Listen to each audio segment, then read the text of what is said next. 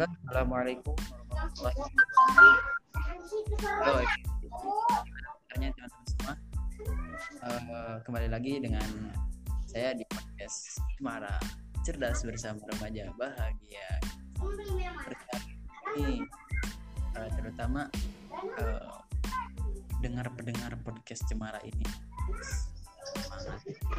Uh, seperti biasa, perkenalkan nama saya Ibnu di sini uh, akan apa ya membimbing lagi kayak host gitu. Memandu acara-acara lagi materi-materi pembahasan kali ini. Dan di sini saya tidak sendirian ya. Sudah ada materi materi udah tinggi narasumber lah udah, untuk menjelaskan materi kali ini gitu. Itu eh, gimana bang Akil gimana kabarnya? Alhamdulillah baik. Kak Ilham gimana kabarnya? Ya, baik terlalu baik tetap baik tetap semangat ya. oke untuk uh, supaya bersingkat waktu ya uh, pada kesempatan kali ini kita akan membahas tentang uh, judulnya itu teori permintaan dan penawaran dalam Islam. Kan sangat sangat uh, unik gitu. Maksudnya keren lah materi judul materinya juga apalagi ntar yang uh, neranginnya gitu kan. Itu kan banyak pertanyaan ya yang pertama dulu ya yang simpelnya aja gitu. Teori permintaan dan penawaran. Itu apa sih? Secara umum lah dulu itu.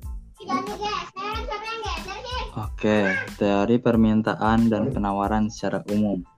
Jadi ketika kita uh, pertama ketika kita berbicara permintaan, itu permintaan uh, akan terjadi ketika ada timbulnya sebuah kebutuhan atau keinginan. Nah, jadi yang dipusatin, yang uh, melakukan permintaan itu di sini ketika dalam sebuah uh, area jual beli itu yang melakukan permintaan itu konsumen karena biasanya kan kalau misalnya uh, apa ketika konsumen membutuhkan sebuah barang atau uh, ya membutuhkan ke barang gitu kan. Nah itu akan timbulnya permintaan kan. Jadi eh, kadang-kadang uh, gini apa konsumen nih ketika lagi butuh nih ketika apa butuh misalnya lagi butuh pengen beli sayur. Nah adanya timbul adanya rasa kebutuhan itu adanya uh, ya kebutuhan daripada si konsumen itu akan membuat terjadinya sebuah permintaan kayak gitu. Nah, lalu penawaran. Nah, kalau penawaran, kalau tadi permintaan itu yang menjadi uh, ob, apa yang yang melakukan penawar permintaannya itu uh, konsumen. Nah, kalau penawaran itu yang melakukan uh, yang melakukannya itu uh, penjual karena seperti biasa kan kalau kalau penjual itu kan suka nawar-nawarin barang kan. Nah, jadi yang difokuskan di sini itu ke penjualnya gitu. Jadi permintaan sebagai pembeli, penawaran itu sebagai penjual gitu. Nah, jadi uh, itu ya uh, ya. Nah, supaya lebih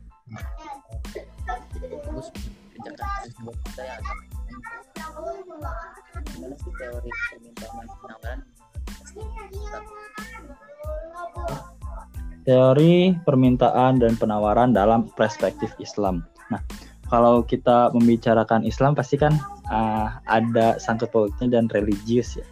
Nah, jadi pertama uh, permintaan dalam Islam. Jadi sebenarnya apa sih yang membedakan antara permintaan secara umum sama secara Islam? Nah, sebenarnya sama aja sih permintaan secara umum dengan uh, secara Islam. Tapi yang membedakannya bahwa kalau misalnya dalam Islam itu ada yang namanya syariat gitu.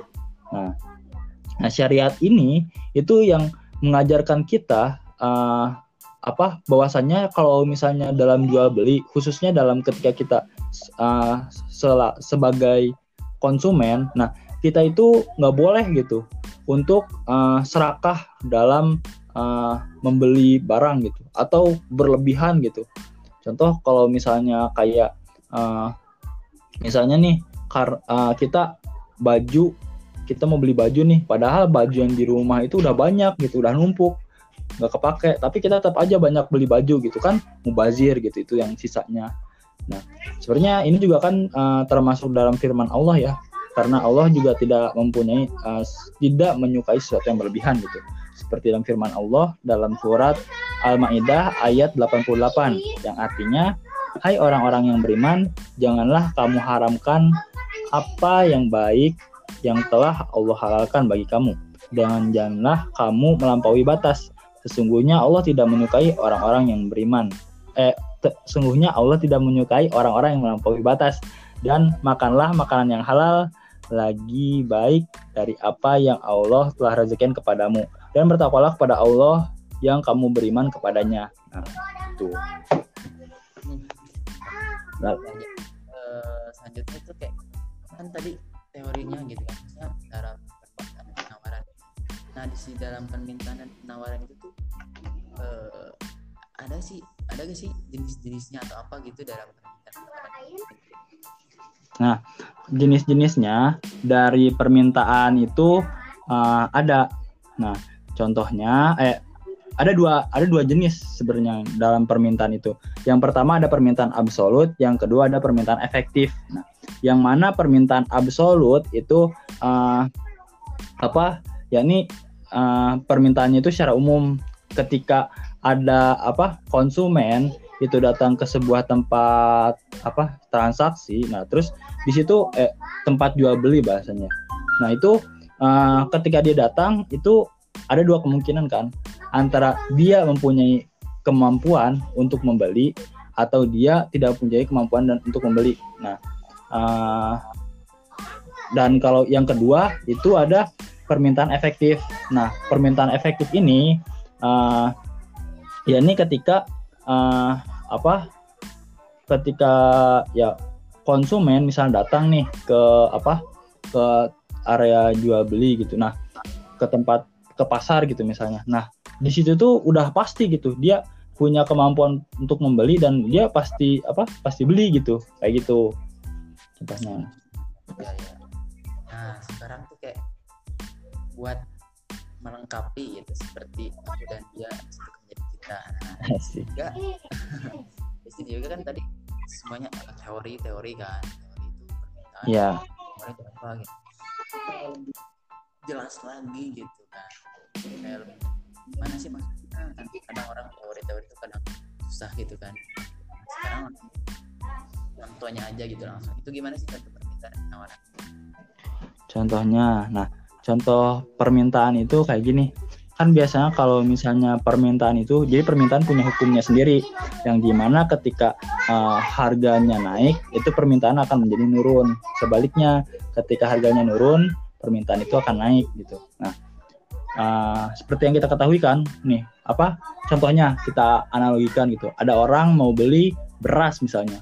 Biasa beli berasnya satu kilo cuman 12.000 gitu. Nah uh, terus dia biasanya sekali beli itu karena biar langsung dia belinya 10 kilo gitu. Nah ketika si harga beras itu naik dari 12.000 menjadi 15.000 contohnya. Nah biasanya si anak tersebut si orang tersebut yang asalnya biasa beli berasnya itu 10 kilo nah karena barangnya naik uh, jadi dia juga belinya ah, nggak uh, terlalu banyak gitu. Karena kan udah lumayan ya kan naik misalnya. Tadi dari 12.000 ke 15.000 kan naik 3.000 kan cukup gede juga gitu. Nah jadi dia cuma belinya cuma contoh cuma 7 kilo misalnya. Nah jadi uh, itu contohnya.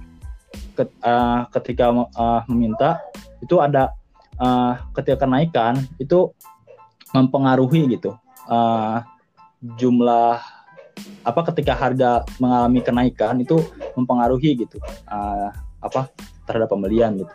Nah kalau untuk penawaran itu contohnya uh, ada nih tadi kan tadi pembeli, pembeli kan. Nah sekarang penjual.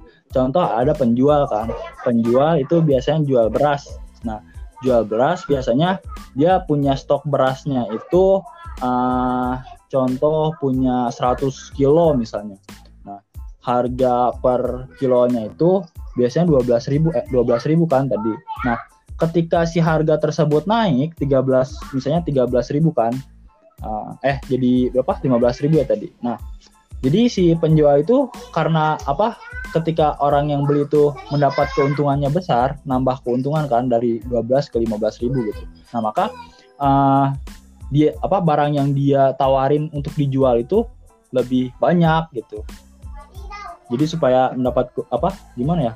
Kan dapat uh, keuntungannya itu lebih besar gitu kayak gitu hmm.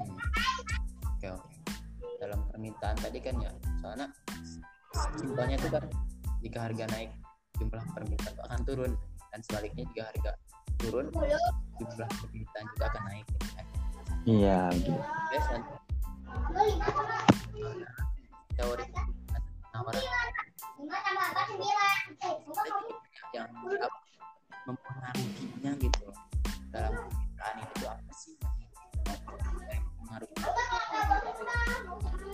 mempengaruhi uh, berbicara tentang mempengaruhi pasti ada ya hal-hal yang mempengaruhi khususnya di permintaan gitu. Nah, jadi apa aja sih yang mempengaruhi uh, permintaan itu? Nah, jadi ini yang pertama itu ada harga. Harga itu pasti mempengaruhi kan.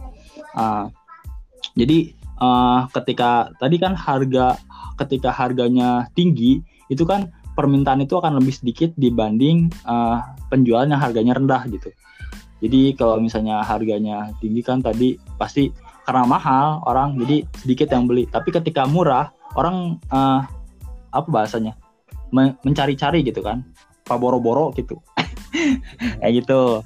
Nah terus ada dari pendapatan masyarakat gitu. Nah kalau dari pendapatan masyarakat ini uh, biasanya uh, penyesuaian kan kayak apa? Uh, kalau misalnya nih uh, dalam sebuah daerah pendapatan seseorang itu tinggi misalnya atau besar. Nah, biasanya uh, itu akan mempengaruhi juga gitu apa jumlah barang yang diminta karena dia punya uh, uang banyak gitu. Nah, beda halnya ketika pendapatan yang di apa pendapatan di masyarakatnya itu sedikit gitu. Nah, mereka pasti akan gimana ya? Uh, jadi membelinya cukupnya aja gitu. Jadi nggak terlalu banyak dan dia cukup aja gitu. Nah itu mempengaruhi gitu.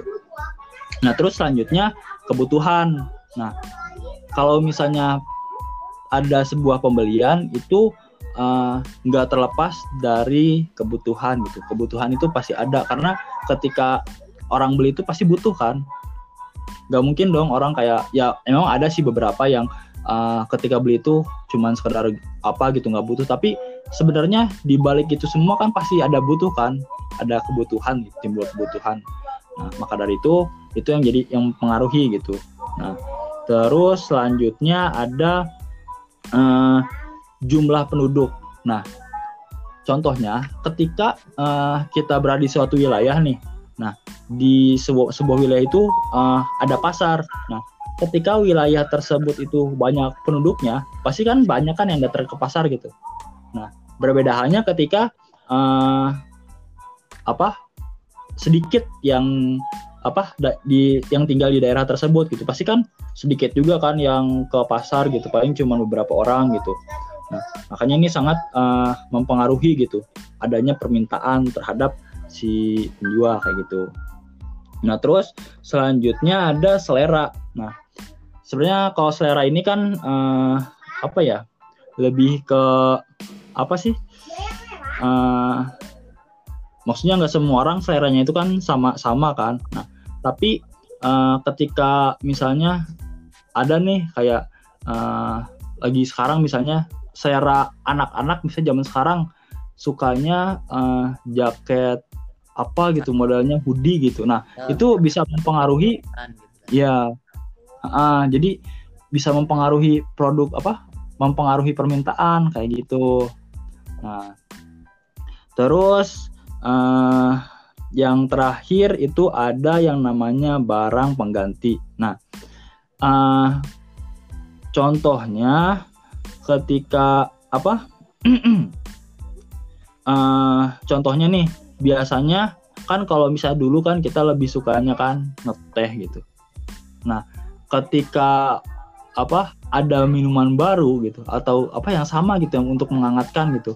Kan tadi ada tehnya teh biasa tapi ada barang pengganti. Apa misalnya ketika zaman sekarang misalnya ada teh tubruk gitu.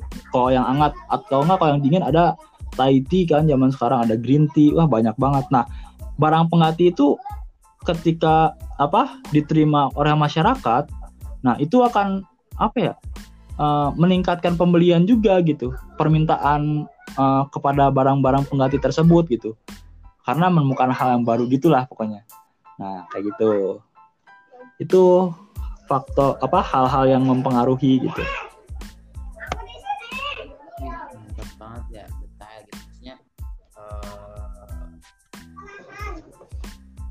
pada materi kali ini tuh sangat cukup singkat padat dan jelas.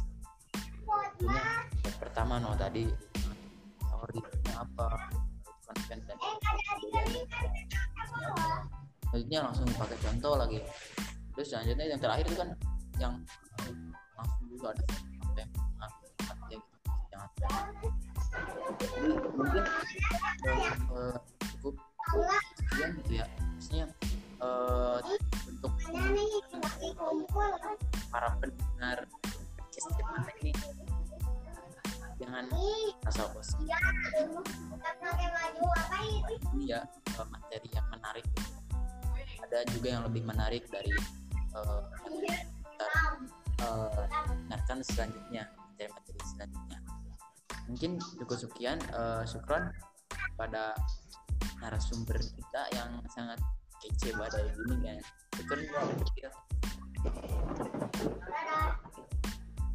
jadi mungkin cukup sekian ya dari saya selaku host dalam podcast kali ini Semara